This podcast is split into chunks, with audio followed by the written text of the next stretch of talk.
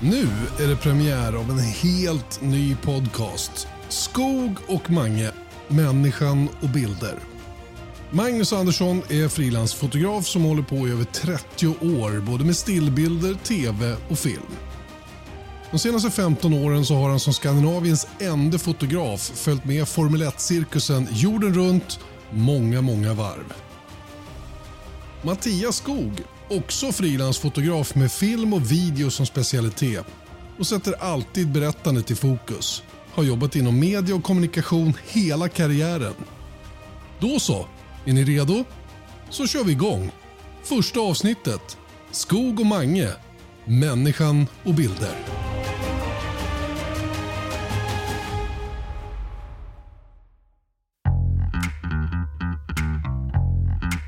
Men då ses vi i alla fall på hotellet imorgon. Jag försöker att rigga upp alltihopa där så... Ja, det tar bara fem minuter från flygplatsen till hotellet där. Man, det var länge sedan man såg det. Ja. ja vi, var, vi gjorde något i USA, var det inte någon basket eller något eller var det? Ja men du, eh, res försiktigt så ses vi imorgon då. Ha det gött. Hej då! Hej! Du lyssnar på Skog och Manges podcast Människan och bilder.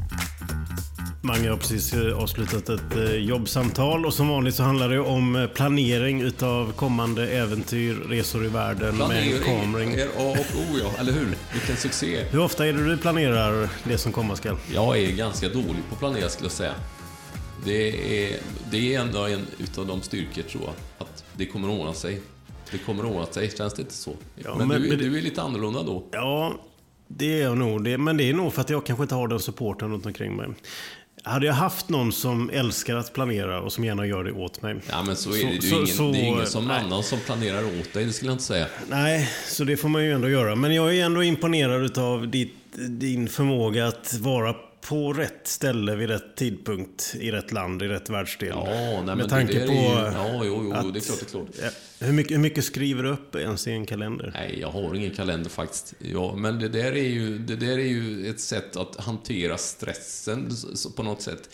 På något sätt så vill man ju inte stressa upp sig ändå. För om, jag skulle, om man planerar allting i livet så, så blir det ju bara jobbigt och då blir det ju ångestfyllt tror jag. Och det är därför man på något sätt lever i, och har allting i bakfickan bara. Att man, det kommer ordna sig.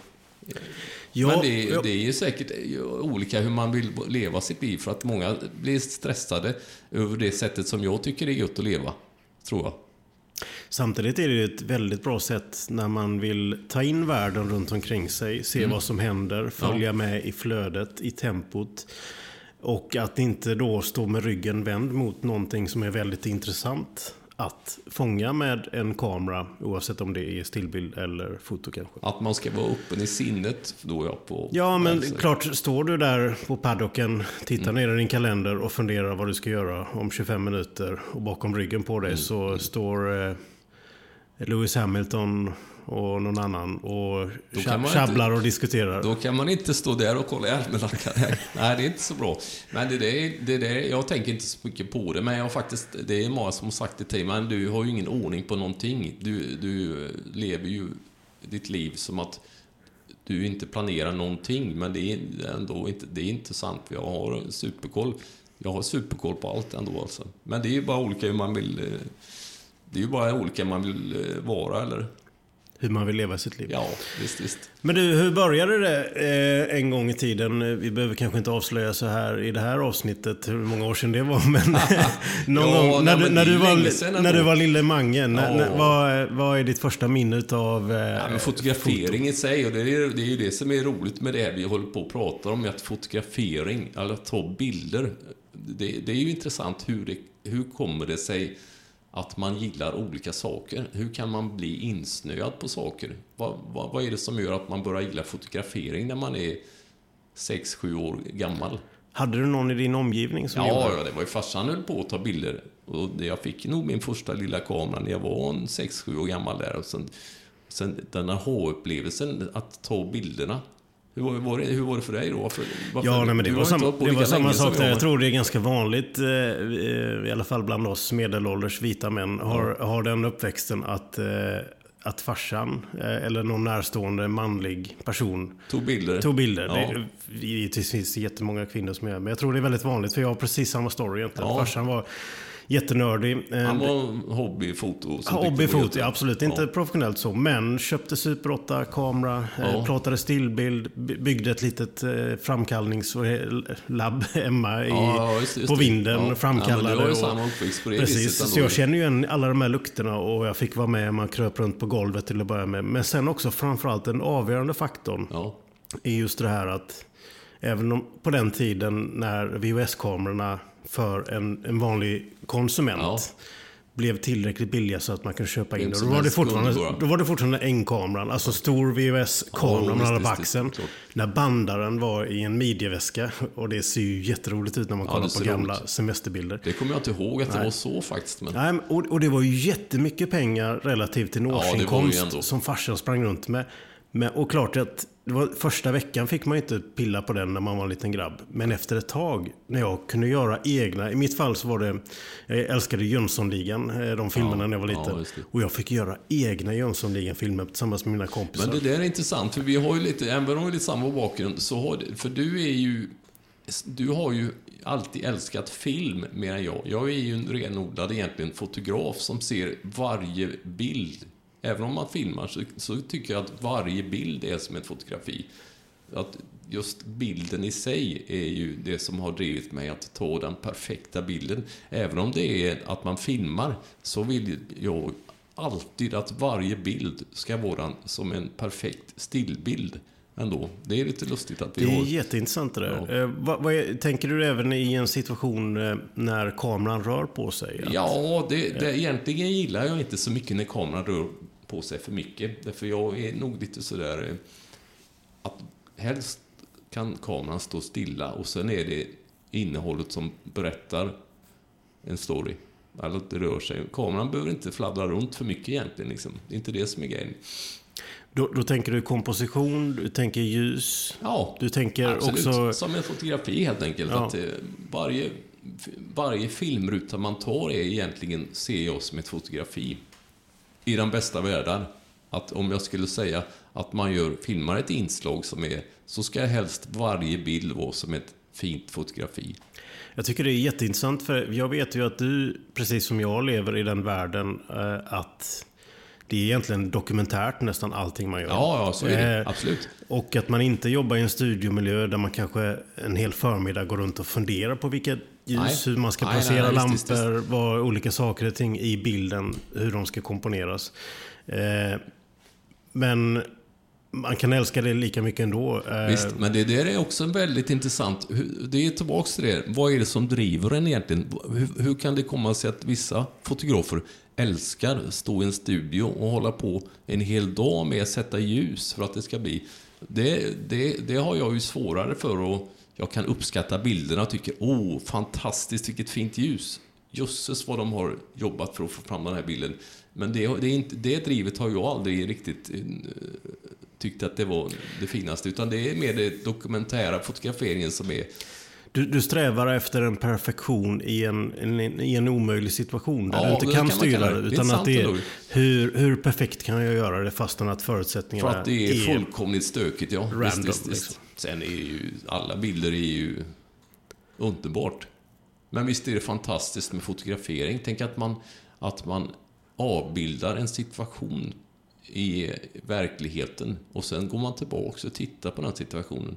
Jag får, jag, jag får nästan tårar i ögonen när jag tänker på, och, och, när jag tänker på den grejen att du tar en avbild på verkligheten ur ditt liv eller andras liv och situationen i livet och så kan du flera år, tusen år tillbaks Nej, inte, men om tusen år så kan man ju förhoppningsvis se de bilderna vi tagit. Liksom. Det är ju fantastiskt egentligen.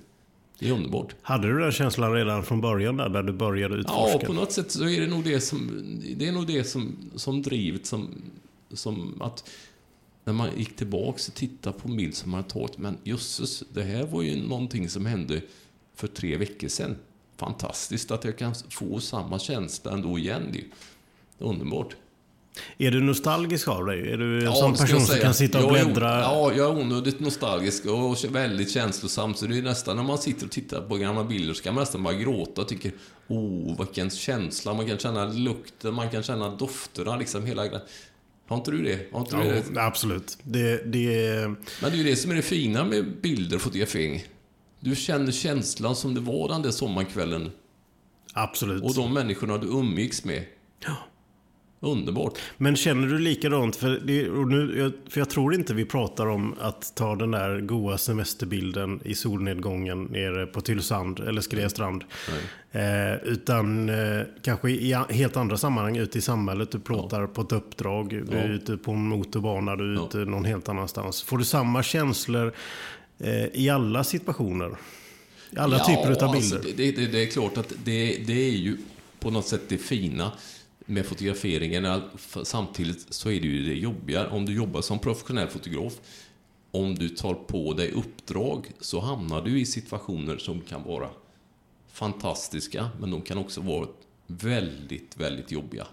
Det är många gånger som jag har stått och bara gråtit bakom kameran. Och man har, när man jobbat med nyheter eller dokumentärer, om man har sett folk som råkar illa ut, det kan vara hemska situationer. När jag var, när jag var på Utöja, jag var på Utöja när det var in, eh, kanske bara fem sex timmar efteråt det hade, att han hade varit ute och, och, och stå där och ta bilder, det påverkar en jättemycket. Det är, det är ju fruktansvärt när man bara... Men det, är, det konstiga är ju då, när man väl står där på ett sätt, då är man ändå så professionell ändå, så det gör man ändå, för man vill... Man måste förmedla verkligheten i de bilder man tar, liksom, på det uppdraget man gör. Man gör sitt jobb. Men det är ju fruktansvärt jobbigt ibland att ta bilderna. När du står där och har tummen, för du, gjorde, du var inte stillbildsfoto utan det var Nej, då film, var det TV. film, Då tror jag jobbade för TV4. eh, Men när man, när man står och håller eh, tummen mot rec-knappen som man gör ofta, man har ett handtag där man, Mm. Ja. man styr kameran med. Var, var, var det ibland att du stannade, tvekade upp och inte tryckte Ja, på rec så, så har det nästan varit ibland några gånger. Nej, jag, jag trycker inte på rec. Så har det varit genom åren. Det här kan jag, det här kan jag, jag trycker inte på rec, jag går bara därifrån. Jag kan inte komma på något exempel nu, men så har det nog varit ändå att nej, det här, det kan, de här bilderna kan jag inte ta. För det är den typen av kontroll du som kameraman ute Mm. på fältet har. För om du spelar in allting och tänker att det kan man fixa i redigeringen, det, det där kan jag avgöra sen. Men det är inte du som avgör det. Då kan det är kablas inte- ut grejer det är, som det är du inte alltid bedömer sen, att det sen inte kan det är korrekt. att det kan ju vara direktsändning. Man, man filmar direktsändning. Det som jag filmar, det går rakt ut i etern.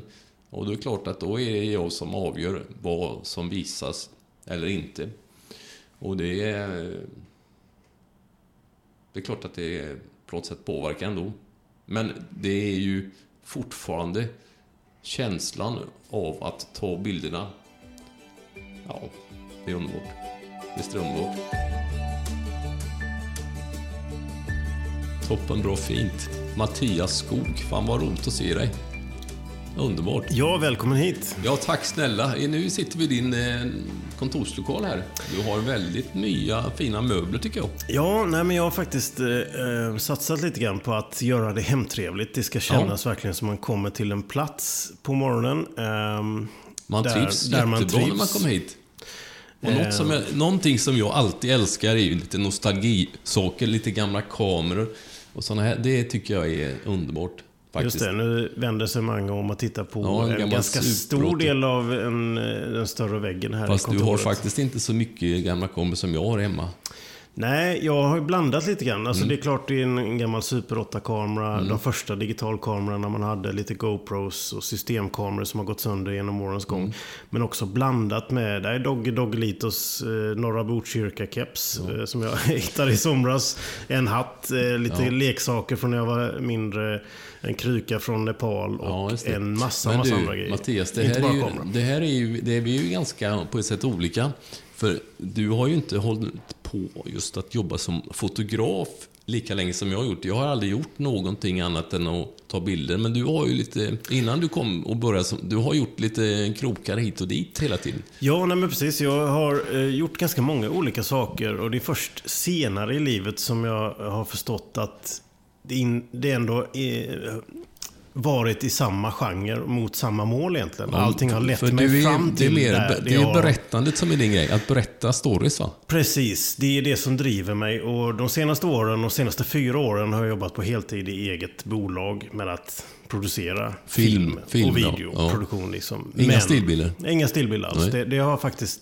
Jag, jag har aldrig varit intresserad av stillbilder. Mer än att ta bilder med min iPhone numera. För att komma ihåg eller förbereda för en inspelning senare till Ja, exempel. I men kan du, kan, du inte, kan du inte tycka att det är väldigt roligt att titta på stillbilder? Absolut, självklart. Mm. Ja. Stillbilder och särskilt eh, av duktiga fotografer som, som berättar en hel story i en stillbild. Det finns ju hur många sådana exempel som helst. Exakt. Eh, men det, och det kanske kommer senare i livet. Men just nu är jag så väldigt, väldigt upptagen med att, med att fullfölja det som jag har insett är mitt life mission. Och det är att berätta bilder i rörlig Ja, du älskar det. Eller berätta stories har- i rörliga bilder. Du har ju verkligen, du har blivit helt insnöad på att göra filmer då på ett positivt sätt. Ja, och det, det kom ganska sent i livet, som sagt var för fyra år sedan. Jag avslöjar min ålder här. Men eh, det tog ungefär 40 år för mig att inse vad det är jag brinner allra mest för. 44 år gammal. Ja, Tänk vad Eh. ung du är. Precis. Det perspektivet kan man ha. Ja, men sen, hur blir det så då? Varför kom, vad Ja. kom det sig? När jag var yngre, som vi pratade om tidigare, så, så höll man på och lekte mycket. Och det fortsatte ända fram upp till gymnasiet. Jag gick i medieprogrammet. Eh, och då får man en ganska stor bredd. Allt från grafisk produktion, jag stod på tryckeri och liksom vände plåtar och retuscherade grejer. Eh, höll på med det, fann en tjusning i det. Eh, men insåg också att Eftersom den digitala tekniken, internet, alla de möjligheter det öppnar upp redan då. Insåg jag att det här kommer ju, då kommer det inte vara tryckeri som är den framtidens melodi. Liksom. Eh, Men däremot att kunna grunderna i det har ju lärt att, gjort att man kan använda tekniken till att bygga webbplatser, andra eh, digitala tjänster och så vidare. Och framförallt styrkan att koppla ihop saker och ting, att kunna lite utav varje och sen erbjuda den kompotten. Ibland är det ju jättebra om man kan livesända TV, Ja. eh, enkla TV-produktioner på nätet. Eh, ibland är det jättebra att ta de där stillbilderna som du pratar om. Mm. Eh, ibland så kanske man ska ha en webbplats och, och så vidare. Så det blir en hel kompott. Och jag Mm. har testat massa olika saker under resans gång, men alltid använt det som ett verktyg. Och det, när jag hade min 40-årskris så var väl det jag kom fram till att det som jag tyckt varit allra roligast genom åren, det är när jag är ute i verkligheten med min kamera, filmar, dokumenterar, kanske gör korta intervjuer och så vidare. Men också framförallt de här klippbilderna när man tar, bara filmar verkligheten, det som spelar upp framför Exakt. kameran. Ja, men det är väl lika och sen ja. klipper ihop det så att det blir någonting som är En berättelse. intressant. En Och berättelse, en berättelse ja. som är ganska lätt att konsumera. Och jag är också musiker i grunden, så att då har jag det med mig också. Som jag gärna adderar till och lägger ganska mycket kraft och eh, energi i redigeringen. Men du jobbar ska ganska brett. Du jobbar ju rätt så brett eh, ändå mot företag och du jobbar lite med TV också och filmar lite blandat. Ja. Precis, och jag eh, jobbar mot, eh, ja, framförallt under pandemin så blev ju livestreamingen en, Ja, ett ben. livestreaming, ja, Eh, exakt, Att lösa ja, den, de problemen som var då när man Ja. inte kunde träffas fysiskt. Eh, också ett sätt, en möjlighet för mig själv att utvecklas och att göra Ja. någonting nytt. Ja, jo, jo, visst, visst, visst, Eh, visst. Men jämfört med dig så har jag absolut en mycket bredare, mer blandad kompott som är kanske är lite rörig. Och det är väl någonting som jag tänker mig framåt också att jag kanske ska justera. Men, eh, men för din del då? Din, din linje har ju varit lite mer Den har varit... rak. Ja, nej, men jag har ju aldrig funderat på sen jag började... Sen jag var liten har jag det har aldrig funnits något alternativ för annat än att jag ska bli fotograf när jag blev stor. Och det började nog när jag var 12, 13, 14 år där. Att jag tänkte, nej, jag ska bli fotograf när jag blir stor. Det vet man inte, jag kan inte förstå varför det var så självklart, men det var ju den känslan av att dokumentera, att fånga saker i livet och i verkligheten och i samhället som den känslan var stark och det är fortfarande starkt. Sen, sen så började jag på fotoskola när jag gick på en gymnasieskola i Göteborg. Så det var ju ganska länge sedan. 1988 började jag på fotoskolan. 16 år gammal.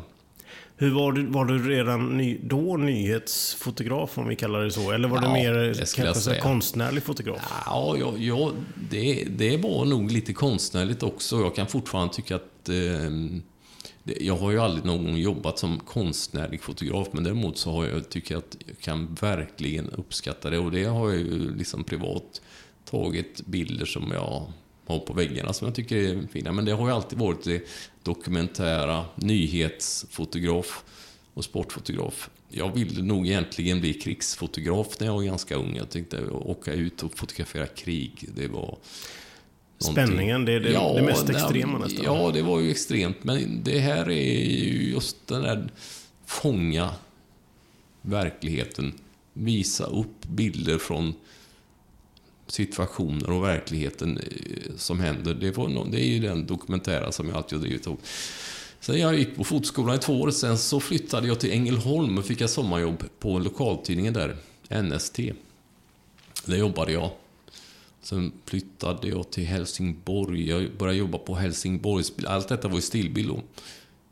Sen började jag jobba på Hallandsposten. 1995 så började jag jobba på TV4.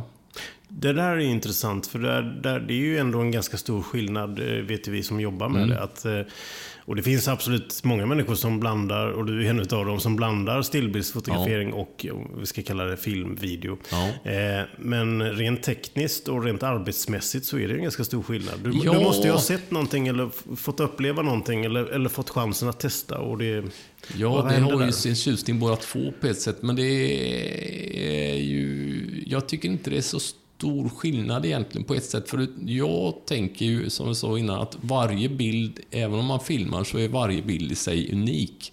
Sen är det att, att det blir ett annat berättande. Jag drivs ju inte på samma sätt som du eh, av att göra en berättelse, filmberättelse.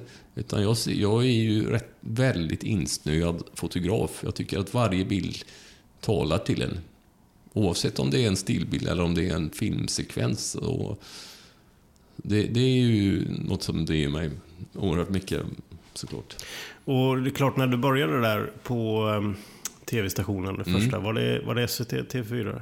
Det var TV4s lokal-tv-station hade de då på 90-talet. TV4 Halland. Och på den tiden så jobbar man i team. Ja, absolut. Ja, Då var, då var det en reporter, eh, Reporter och fotograf. Ja, visst, visst. Det var en fantastisk tid, eh, verkligen. Det var gamla kameror, stora, man filmade på band. Liksom.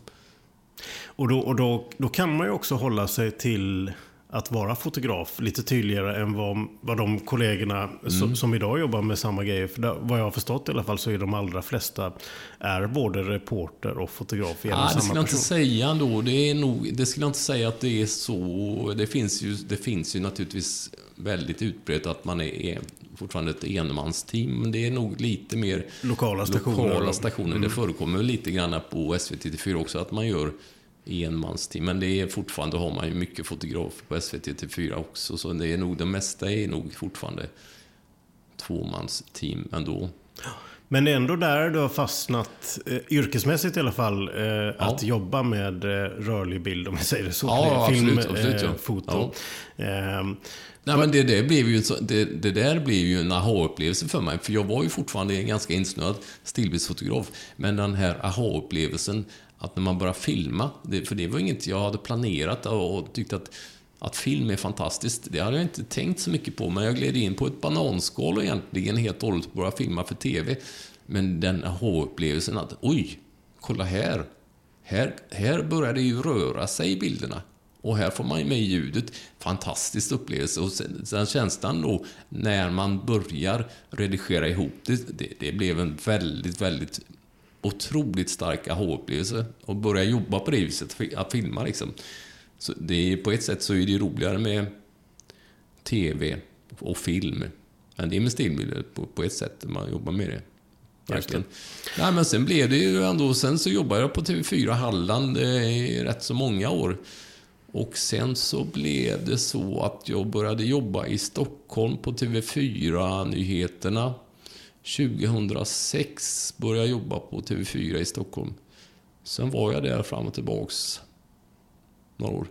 Just det. Och det, eh, den omställningen eh, måste ju ha varit ganska stor ändå för att du kommer från lite mindre orter Mm. längre söderut i Sverige. Eh, och kommer upp till Stockholm, det är ju huvudstaden, det är den stora staden i Sverige. Mm. Det är ju det är ju där alla mediehusen finns. Eh, hur, hur var den resan för dig att komma in i det sammanhanget? För Ja, det var väl en väldigt stor omställning till att säga. Om man är van att bo på landet och bo på en liten ort så var det ju, man känner sig lite ganska liten på jorden ändå när man kommer till en större städer. Men det var väldigt, väldigt lärorikt. Otroligt lärorikt att få jobba med så duktiga människor. Tänk vad det... Det där är ju fortfarande något som är otroligt starkt och underbart att få jobba med riktiga proffs. Det är ju fint faktiskt. Visst är det? Styrkan i att eh, lära av varandra är, eh, ja, det är otroligt stark. Ja. Eh, och det kan jag ibland känna för egen del att jag jobbar så pass mycket själv som Mm. jag gör. För jag är fortfarande kvar i den här lilla Mm. världen. Jag jobb- jobbar, utgår från en mindre ort, har ett lite större upptagningsområde. Men sitter väldigt ofta i Mm. bilen själv på vägen ut. Och när jag är på inspelning så är jag väldigt mycket själv. Ja. Eh, när jag sitter i redigeringen så är jag själv. Eh, och jag kan sakna lite grann. För Ja, jag vet, vet, det lät. Ja, ja, men jag, jag vet ju att kraft... Jag har ett jäkla driv i mig. Så, Ja, klart. Men hela det ansvaret på att utvecklas och att bli bättre, bli så bra som jag själv vill bli, det ligger på mig. Ja, det är ju Eh, och, Det är en och, det, fin och det är känsla. klart, det är ju upp till var och en att göra det. Men det blir ju lättare när man jobbar med andra proffs. Som Ja, är, jo, det är klart. Ja, det är är- stimulerande ändå, ja. det är det verkligen. Så att eh, där är jag nog lite avundsjuk att, att ha kollegor nära inpå hela tiden. Ja. På gott och ont. Ibland, gott och skulle, ibland när man är mitt i smeten och har jobbat ett par veckor med kollegor så bara Nej, jag vill vara själv. Låt mig vara, låt mig vara. Kan jag inte få vara själv? ja, nej, men sen rullar det på. Och, och på med ett bananskal 2008 så började jag filma Formel 1. Ja, det här det är ju inget litet bananskal, så Nej. det får vi nästan reda ut lite grann där. Eh, du är alltså på TV4, Ja. Stockholm, nyhetsfotograf. Ja, nyheter och sportfotograf där. Nyheter och sport. Mm. Eh, ja, hur, hur kom det sig att... Ja, det var så. Jag har älskat, jag har alltid älskat Formel 1. Det, jag älskar det otroligt mycket. Och det var väl egentligen en dröm samtidigt som jag började fotografera, att jag ville bli racerförare. Men det fick jag inte för min mamma. Min mamma sa, nej, det är farligt att köra racerbil. Så då fick jag inte göra det. Men jag har alltid älskat Formel 1 så jättemycket. Och när jag jobbade på TV4 då, då eh, jobbade samtidigt Janne Blomqvist som är Formel 1-kommentator. Och vi började snacka massor, massor Formel 1. Och det var jätteroligt att prata Formel 1. Och på den tiden så fanns det ju ingen som eh, filmade Formel 1 från Sverige. Och det, precis i den här vevan, 2008, så skulle man starta en ny TV-kanal som hette Viasat Motor. Som bara skulle sända motorsport och Formel 1. Som, eh, och då skulle man satsa lite och skicka iväg folk. Eh, man skulle skicka iväg kommentatorerna Janne och Eje. Och då skulle man ha en fotograf med. Det fanns ju ingen fotograf som hade gjort detta innan. Och då var jag precis på rätt plats vid rätt tillfälle. Så jag räckte upp honom. Ja, men jag åker gärna med och filmar Formel 1.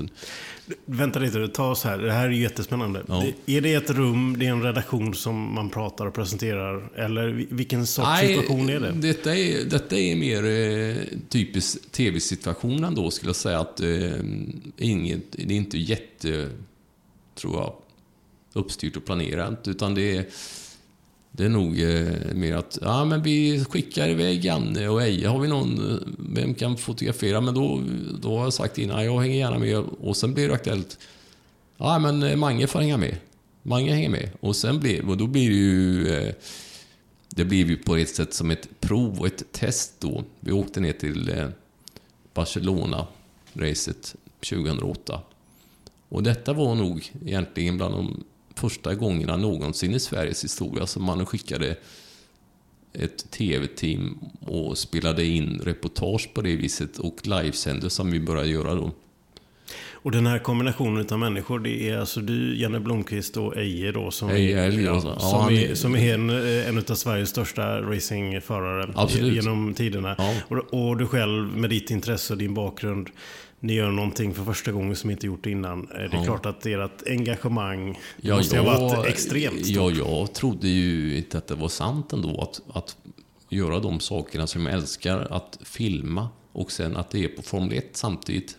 Det var ju en otrolig dröm. Men eh, när vi kom ner på plats och började spela in och det, på den tiden så var det ju fortfarande, eller då hade man egentligen börjat mer eller mindre nästan redigera i datorn. Och det var ganska nytt då att man eh, hade med sig datorn och klippte och, och, eh, på plats då. Och det gick jättebra. Det gick så otroligt bra. Jag fick sådana bra bilder på Lewis Hamilton och Nico Rosberg när de satt och pratade. Och det var... Det var och alla blev så... Jag kommer ihåg att vi satt, vi var på någon pressträff vid banan och hade intervjuat förarna och sådär. Och sen när vi åkte hem i bilen så satt jag i baksätet och tankade in allt material ifrån kameran. Det var band då som snurrade. Man fick tanka in i datorn i realtid. Sådär. Det tog ju sin lilla stund att tanka in materialet. Så satt jag i baksätet och sen när allt materialet kom in i datorn så satt jag och redigerade, så satt jag och redigerade klart inslaget i baksätet. Och sen när vi kom fram, det var en producent som var med, Thomas, som, och de tyckte Men vad i helvete, har du klippt klart inslaget när vi har suttit i bilen här? Så det, det, det blev, och då, det, det blev en kanonpangstart för min egen del. Att, att jag levererade så jättebra snabbt och, och därför så rullade det på. Sen åkte vi iväg på massa race sen. På den vägen snurrade det på bara för att det, det, det var verkligen en perfekt start för min egen del. Så att jag levererade så bra från början på något gött sätt. Liksom. Och det där är ju så oerhört viktigt. Jag känner igen det. Jag har suttit Ja. också i, i, i bilar och redigerat. Ja. Och det värsta var nog när jag satt i en buss i Nepal Ja. och redigerade. Det är ju inte de jämnaste Nej, det vägarna. är inte så bra. Eh, och det, ja absolut, det imponerar ju på andra människor men även på en själv. Att man faktiskt, med, ja, dels med tekniken och den, den viljan att vilja producera någonting direkt. Att, Ja. in, att göra det färdigt. Ja. Att, in, eh, att använda tiden till någonting. Att det inte bara blir dödtid. Liksom. Ehm, och eh, att ha en bra start, det måste ju vara såklart helt avgörande Ja. för att du har det jobbet Ja, nej, men det var tio nog år för att, senare. eh, Ja, 15 år senare är det. Sen rullar det på. Så jag har gjort på i 15 år och åka runt på Formel 1-banor. Så det är ju eh, underbart, minst sagt. Men Mattias, du måste ju nu, känns det som att du har inte berättat så mycket av, av dig själv. Hur kom det sig att du började filma så mycket som du gör nu egentligen? Ja, jag vet inte riktigt när i tiden, i min tidslinje, som, eh, som det riktigt brann till i hjärtat. Ehm, när jag började min karriär, det var ju, ja, dels gick jag på medieprogrammet, så man kan väl säga, på gymnasiet. Så att man kan väl säga att det började där ändå. Filmar ni då på media Ja, vi gjorde det, men det var inte mitt största intresse, hör och häpna. Det var, det, Var jag, inte det? Ja, Men du var, mer, du var ju lite radiogubbe ett bra det var, tag. exakt, det var, där jag, det var nog första gången det riktigt brann i mitt hjärta. Eh, när eh, Du- en av våra lärare ja, byggde en liten, det var en så otroligt enkel, simpel radiostudio. Men det var ändå ett rum och är den här klassiska, det, det, det, det är inte alla som vill sätta sig vid en mikrofon och börja Nej, prata. det är lite läskigt i början. Eh, men, och jag gjorde det eh, och eh, tyckte det var så roligt. Ja, Och sen, sen började vi kombinera faktiskt med film och det var de som... De hade ju samma problem, de som stod i filmstudion och filmade, som brann för att filma. De hade ingen att filma för det var ingen som ville stå Ingen framför som kameran. framför kameran. Så, Men, det de, så det de gjorde då var att flytta in kamerorna i den lilla radiostudion och så Ja. gjorde vi grejer. Och då satt jag med en mikrofon, typ som jag gör nu, och satt och pratade. Bara hittade på grejer. Och, och så bjöd vi in våra lärare som gäster och Ja, andra elever på skolan och sådär. Eh, det var ju det var mycket trams och lek i början. Ja, men men också en del seriösa intervjuer med med lärare. Varför, varför, hur kom det sig att de började? Deras story, var kommer de ifrån? Mm. Vi, hade, vi hade en lärare som var en karaktär som gick runt i någon slags ylleväst och rökte pipa och hade varit bandytränare i elitserien. Oj. Det var sån där, det en konstig story, en, en figur. Jag, kom- sorry, jag glömde av hans namn. Men, Ja, men det kanske lika men, bra. men det var lite grann det där. Och, och sitta och prata och göra en berättelse, en dokumentärt om det. Mm. var någonstans där det började. Så att ja, det var egentligen radiobanan och som du har sagt tidigare Mm. innan. Alltså att själva berättelsen, inte så mycket verktygen eller exakt på vilket sätt berättelsen förmedlas, som var min stora grej. Så Men jag, det är lustigt att du inte var inne på filmsvängen då redan då. Ja, det, var, det var mer... eh, Nej, det, det var liksom framför mikrofonen, framför kameran. Jag kanske inte gillade kameran så, så jättemycket. För Ja, jag men du gillar att synas ganska mycket. Synas och höras framförallt kanske. Ta Ja. lite plats, styra lite grann. Jag gillar att sätta tonen på saker och ting. Radioutseende.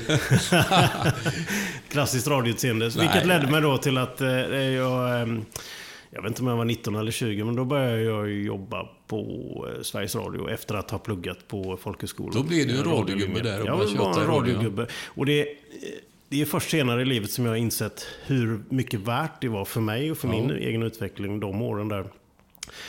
Dels att det var då P4 lokalstation. Lite grann som när du pratar om TV4, jag känner igen det. Visst, vi var ju kollegor. Mm. Ja, ja, visst, visst, visst. Bo- Bodde i samma hus och jobbade i samma hus utan Ja, att nej, då jag känna varandra. ihåg faktiskt, det var på en julfest där du satt och spelade trummor.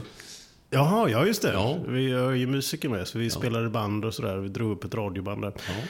Men, men hela den perioden var så otroligt lärorik. Dels för att jag fick kämpa ganska mycket. Jag var inte den där självklara. Jag var inte en skjutjärnsjournalist. Jag var inte den som var statsvetare som var mest påläst om hur en, den kommunala processen går till när, när det gäller beslutsgångar. Nej. Eller, sådär. eller jaga i fatt människor som inte vill vara med i radio. och Sådär, utan jag ville göra roliga, spännande program.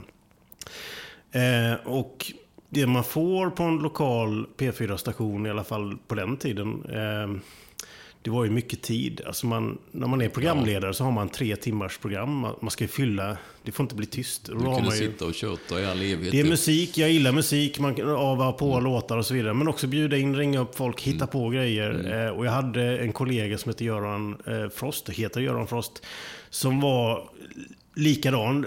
Nöjde sig inte med Ja, att bara göra någonting enkelt. Utan, nej, det, det, jag kanske inte för att det skulle vara krångligt för krånglighetens skull, men att göra de här sista ansträngningarna, verkligen försöka få med en extra gäst i programmet. Mm. Om det så är att man skickar ut en reporter som sätter upp en relästation så att vi kan göra sända live Mm. från en, en vit fläck på kartan, till exempel. Eller bara anstränga sig mer för att göra det lite bättre. Men du, radio all ära. Alltså, jag kan uppskatta radion, tycker att det är jättegött att lyssna på radion. Men det är ju bara att det, det är ju inga bilder. Det är ju det som är det, Nej, det, är ju det, som är det tråkiga med radio. Precis. Man får ju aldrig några bilder. nej.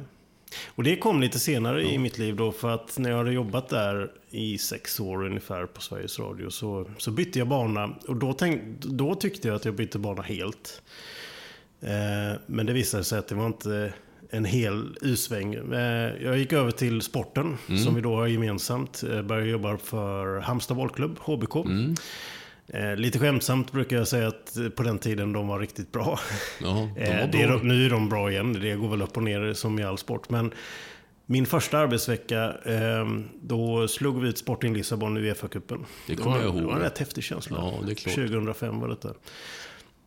Eh, gjorde en sväng som det brukar Men vad bli gjorde du? Då var Ja, det lite medieansvar. du lite blandat då, ja, ja, Men det precis. var egentligen, det måste ju varit en ny eh, titel i den precis som startade upp då, att du skulle klippa liksom små filmer och allt sånt där. Ja, absolut. Detta det fanns ju... väl inte innan dess liksom? Detta var ju en tid när YouTube fortfarande, om det ens hade startat, så var det ett garageföretag i USA. Så att online-video fanns ju inte. Nej. Eh, när jag upptäckte det i min nördighet, när man satt och bara skummade runt och läste artiklar om hur internet utvecklas och så vidare. Det kanske var i research-syfte för att utveckla klubbens webbplats eller bygga en webbshop eller vad som helst.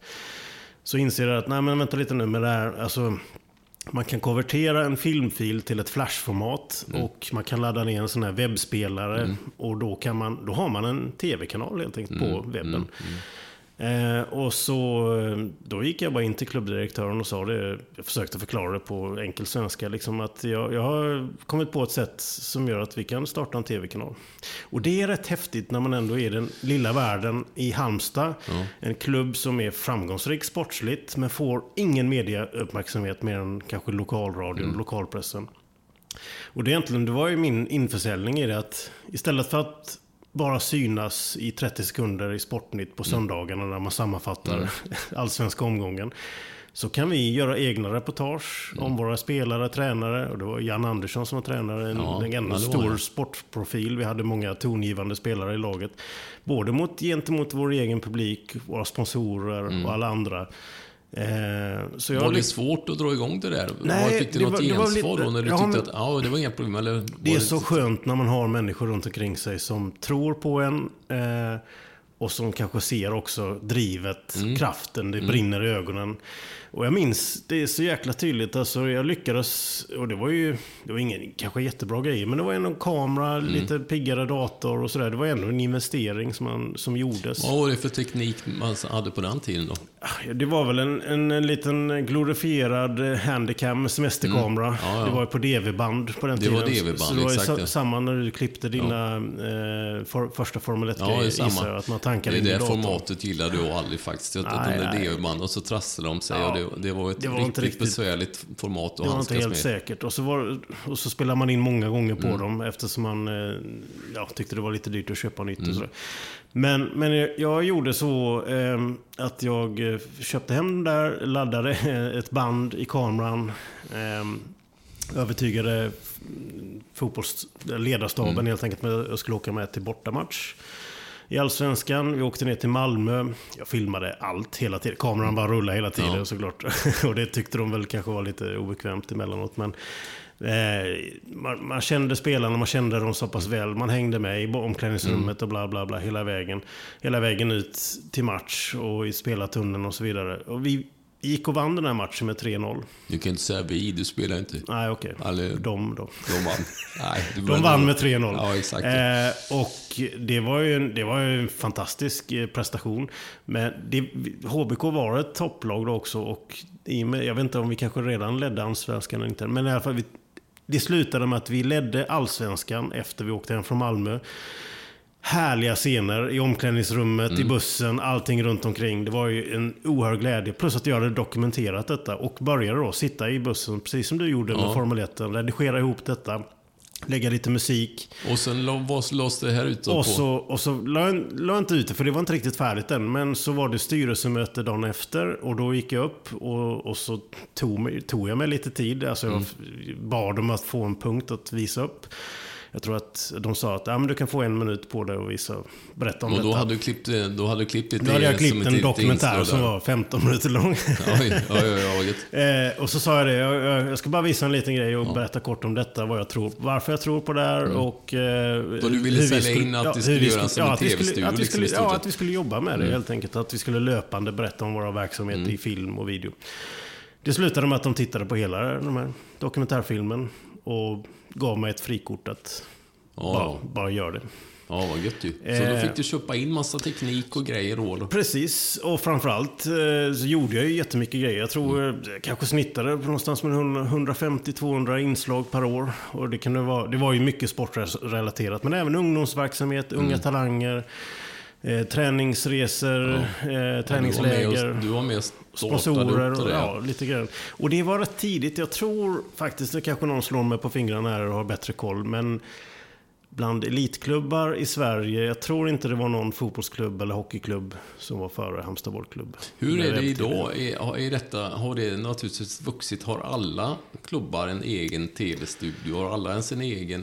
Nej, jag tror inte alla har det. Jag tror, eller det jag vet i alla fall, är att några av de större fortfarande har det och satsar ganska rejält på det. Mm. Ja, det är Men jag tror eh, att det fortfarande är svårt för många föreningar att, att ha de resurserna att kunna göra mycket. Men eh, jag ska ärligt säga också att jag hänger inte lika med, mycket med i sportens värld som jag gjorde då. Nej.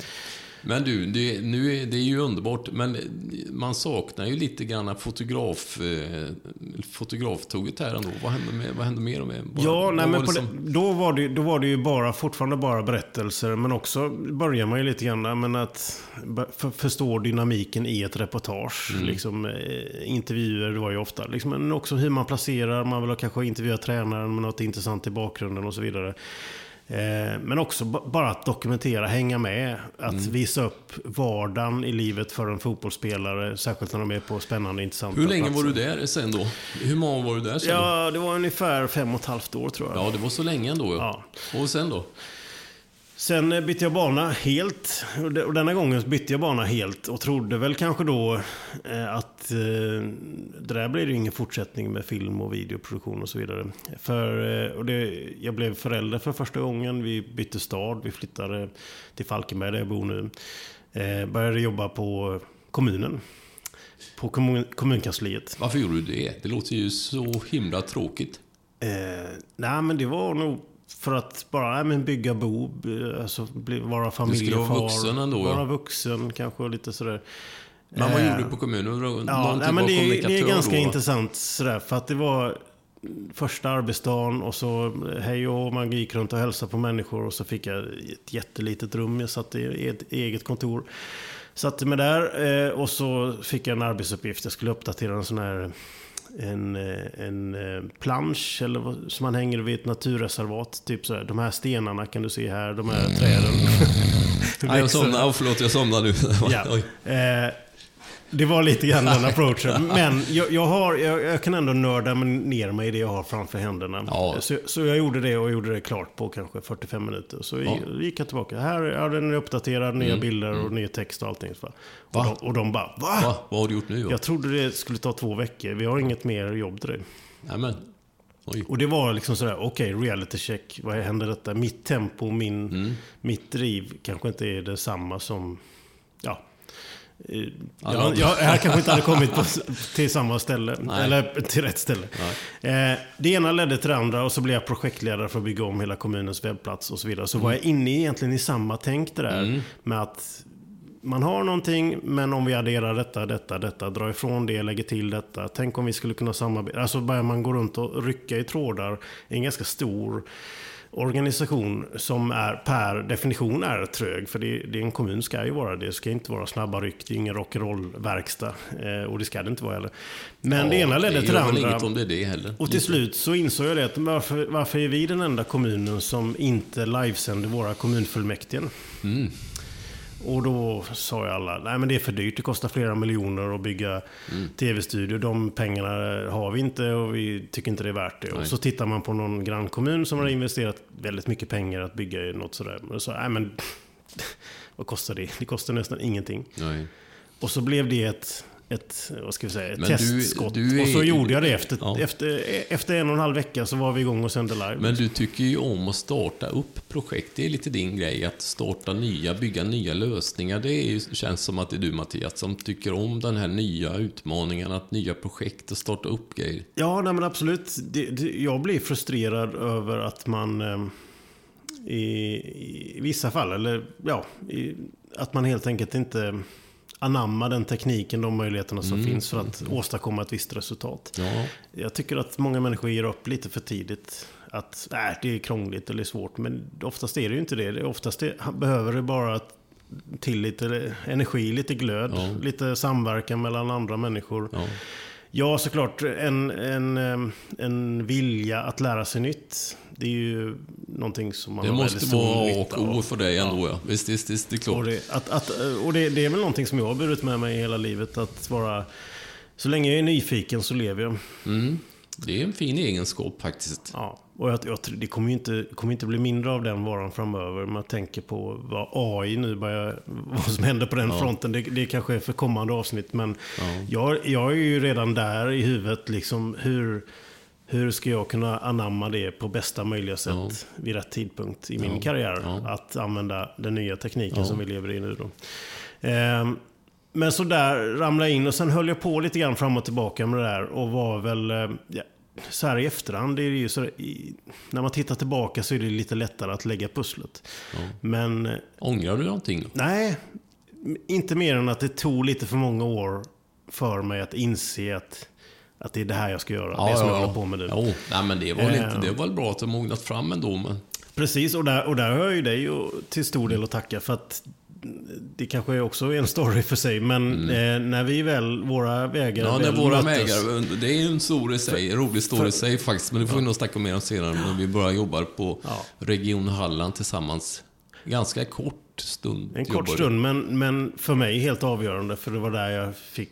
Det bara blev självklart. Ja, men Ja. det är klart, det här, det här kan jag ju redan. Det, Ja. Alltså, jag behöver inte sätta mig i en skola, jag behöver inte gå bredvid. Men du, hur mycket var det tack Jag vare kan- mig att du drog igång din egen verksamhet? det var lite ja men det var det nog. Jag, det, jag kanske hade kommit fram till det ändå, men det kanske att det hade kanske tagit en, ett par år till ytterligare. Ehm, men det var där och då, och sedan fyra år tillbaka så driver jag ett eget, vad ska vi kalla det, videoproduktionsbolag. Mm. Ehm, filmare på heltid. Nej, men faktum är, när vi, vi hade ju lite planer eh, för att vi skulle köra mer och jobba mer tillsammans egentligen. Sen så eh, sen kom jag tillbaks igen till Formel 1 där. Jag hade ju saknat det oerhört mycket så att det blev... Ja. Vi, har ju, vi har ju jobbat mycket tillsammans senaste åren också. Men inte riktigt så mycket som man hade tänkt från början när vi satte och smidde våra planer. där Nej, vad kanske gå nu när, du- när, du, när du säger det så Ja. kanske det var, vad vet jag, eh, att jag, jag kastade mig ut men kände mig väldigt trygg med att vi hade ju ändå bestämt att vi skulle Mm. köra ihop. Ja, förlåt. Eh, och man säger upp sig och man laddar upp och taggar upp. eh, Man köper en kamera som man knappt har råd med och så, så sitter man där och gnuggar händerna. Mm. Och så ringer Mange och säger du, eh, vi skiter i det där, jag kör Formel 1 igen. Ja, men det, det kändes det som att det Och- blev dålig stämning här. Och då, och då, och då, Förlåt, sitter, och sitter man där eh, och då finns det ju bara en väg fram. Men du, För mig finns du det ingen väg inte, Har du bakåt. blivit arg eller besviken på mig Nej, då? nej, aldrig. Jo, lite. Aldrig. Ja, bra. Nej, men jag vill inte framstå som att jag eh, har lämnat dig i någon eh, dålig sits. Vi går men alla jag, våra egna vägar. jag, jag blev väldigt, väldigt glad. Äh, vi får, det här är ju en story i sig faktiskt, så vi får väl återkomma till det. Men eh, eh, vad ska du göra i år då, alltså 2023? Vad har du på för planer? Ja, nu har jag ju hållit på i fyra år och jag, jag är en ganska emotionell människa. Eh, jag gillar också att analysera, reflektera. Jag Du spenderar väldigt mycket tid åt det. Ja, där är vi också olika. Jag analyserar ju inte ihjäl mig över saker. Nej, nej, jag tror att vi är olika där. Och jag vet inte riktigt vad som är bäst faktiskt. Det, det, det är jag väldigt tveksam. Men samtidigt när man är lite äldre så... Man, man får gilla den man är. Liksom. Ja, det, så är det. Man kan inte ändra Nej, den nej, nej, man man ska inte ändra på sig Eh, själv för den sakens skull. Men, men det har jag i alla fall spenderat väldigt mycket tid på, jag skulle säga det senaste halvåret, men väldigt intensivt de senaste månaden kanske, att fundera på vem är jag? Varför börjar jag egentligen? Och det är ju, utifrån det samtalet vi har haft idag så vet man inte riktigt när man började.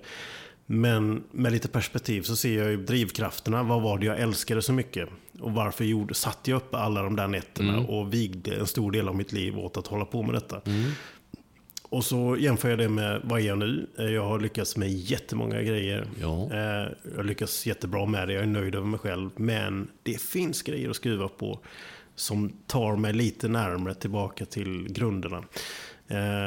Vad då menar du med grunderna? I berättandet? I berättandet. Ja. Och då är det ju ofta att det handlar om att jag vill, jag, jag- vill 2023 och framåt utforska mer i större omfattning än vad jag gör idag. Egna berättelser, sånt som jag vill berätta. Som typ, som jag... Du vill göra dokumentärer Exakt. om olika saker. Har Precis. du några dokumentäridéer på gång som du kan säga? Jag har alltid idéer på gång. Ja, du har Eh, tusen idéer, det, kan, jag, det men- kanske är för tidigt att börja kasta upp dem i luften nu, Ja. för då får man äta upp det sen. Hur går det med det projektet Ja, eh, ja, med men de smältande glaciärerna i Nepal? Och det kanske inte är det första jag hoppar på. Eh, Men du har några projekt på gång som du vill genom, börja filma 2023? Ja, jag har några som jag funderar på om jag ska göra det eller inte göra det. Jag har några ämnen där jag kanske mer är osäker på Du måste hur säga... gör man det eller vilka personer. Men du får ju börja säga någonting som du ska börja på, eller du vill börja på då. Mm. Får Är det hemligt? Vi håller ja, på den nej, lite. men vi håller på den då. För egen del så ska jag nog eh, filma Formel 1 igen. Säsong nummer 16. Ska jag, men det är, det är ju väldigt många Formel 1-race i år. 23 Formel 1-race är det, runt hela jorden. Och eh, allt möjligt annat också. Och det här har du gjort förr. Ja. Eh, Känner du samma känsla nu inför en säsong som du gjorde för ett par år sedan? Ja, det gör jag. Precis samma känsla. Och det är lustigt hur man fungerar i huvudet. För att det kan vara så i de sista racen, Formel 1-racen som är på, då börjar man bli rätt mätt på resandet. Man sitter på flygplan och väntar på flygplatser och, och tänker nej, nu var det segt. Men när man har landat hemma i soffan och med en kaffekopp och hemma hos familjen i några veckor och efter jul och nyår i januari, då är man jätte, jättesugen på att ut och åka igen. Man säger, åh, tänk vad kul det ska bli ut och jobba. Tänk vad roligt det ska bli att ut och resa. Tänk vad kul att träffa alla kollegorna. Tänk vad roligt det är med direktsändning. Tänk vad kul det är att ta bilderna på racerbilar. Och en sån här säsong så kommer du både tillbaka till massa ställen där du massa platser och ja. banor eh, och mm. människor som du har träffat. Men också då kanske några nya som inte har funnits på kalendern tidigare. Några nya platser. Eh, det tror jag inte. Nu blir jag så osäker. Ja, okay. Nej, men det, jag tror inte det. Är någon det är någon annan som planerar det. Ja, det... Nej, men du vet att man får... Man vet ju vad man ska nästa vecka, men... Men inte sen. Nej, jag tror inte det är några nya platser som jag kommer till planerat ännu. Vi får se. Men finns det någon tid för dig under ett år att göra någonting annat än att filma Eh, Formel 1? Ja, det skulle jag säga absolut. Det, och det är ju det, är ju det som är... Det, egentligen är det ju roligt att göra olika saker. Det är ju jätteroligt att komma ut var som helst och ta bilder ändå och göra, träffa nya människor framförallt. Det är ju jättekul. Och det är väl på ett sätt lite baksidan att jag gör filmar så mycket Formel 1. Att jag får ju tacka nej till en del andra grejer. Och det är, det är på gott och ont ändå. Faktiskt. För att det är roligt. Det är väldigt roligt att göra olika saker. Det är det verkligen. Finns det någonting annat som du vill klämma in i kalendern mer än Formel 1 det här året? Ja du, jag skulle nog gärna vilja fortsätta att podda hur mycket som helst med dig. Det hade ju varit roligt. Tänk om vi kunde göra detta en gång i veckan hela tiden. Det måste jag säga. Och köpa lite ny teknik. För teknik har vi inte pratat så mycket om ännu. Och det, teknik i sig är ju ganska roligt ändå. Där kommer vi kunna gräva ner oss ja, ganska rejält tror jag. Det måste jag säga. Så att det får väl bli, om inte annat, den stora nya gemensamma grejen vi gör under 2023. Att vi försöker hålla den här podden Ja, tänk om vi kunde podda en gång i veckan ändå. Det måste vi försöka göra. Fantastiskt. Vi hoppas såklart att du som lyssnat är med oss hela vägen fram till ja. nu och hör när vi börjar avrunda detta avsnitt. Häng med. Häng och med. att du hänger med framöver också. Kram. Du har lyssnat på Skog och Manges podcast Människan och bilder. Hör av dig på Instagram. Ingen TV utan Mange och The Real Skog. Vi hörs snart igen.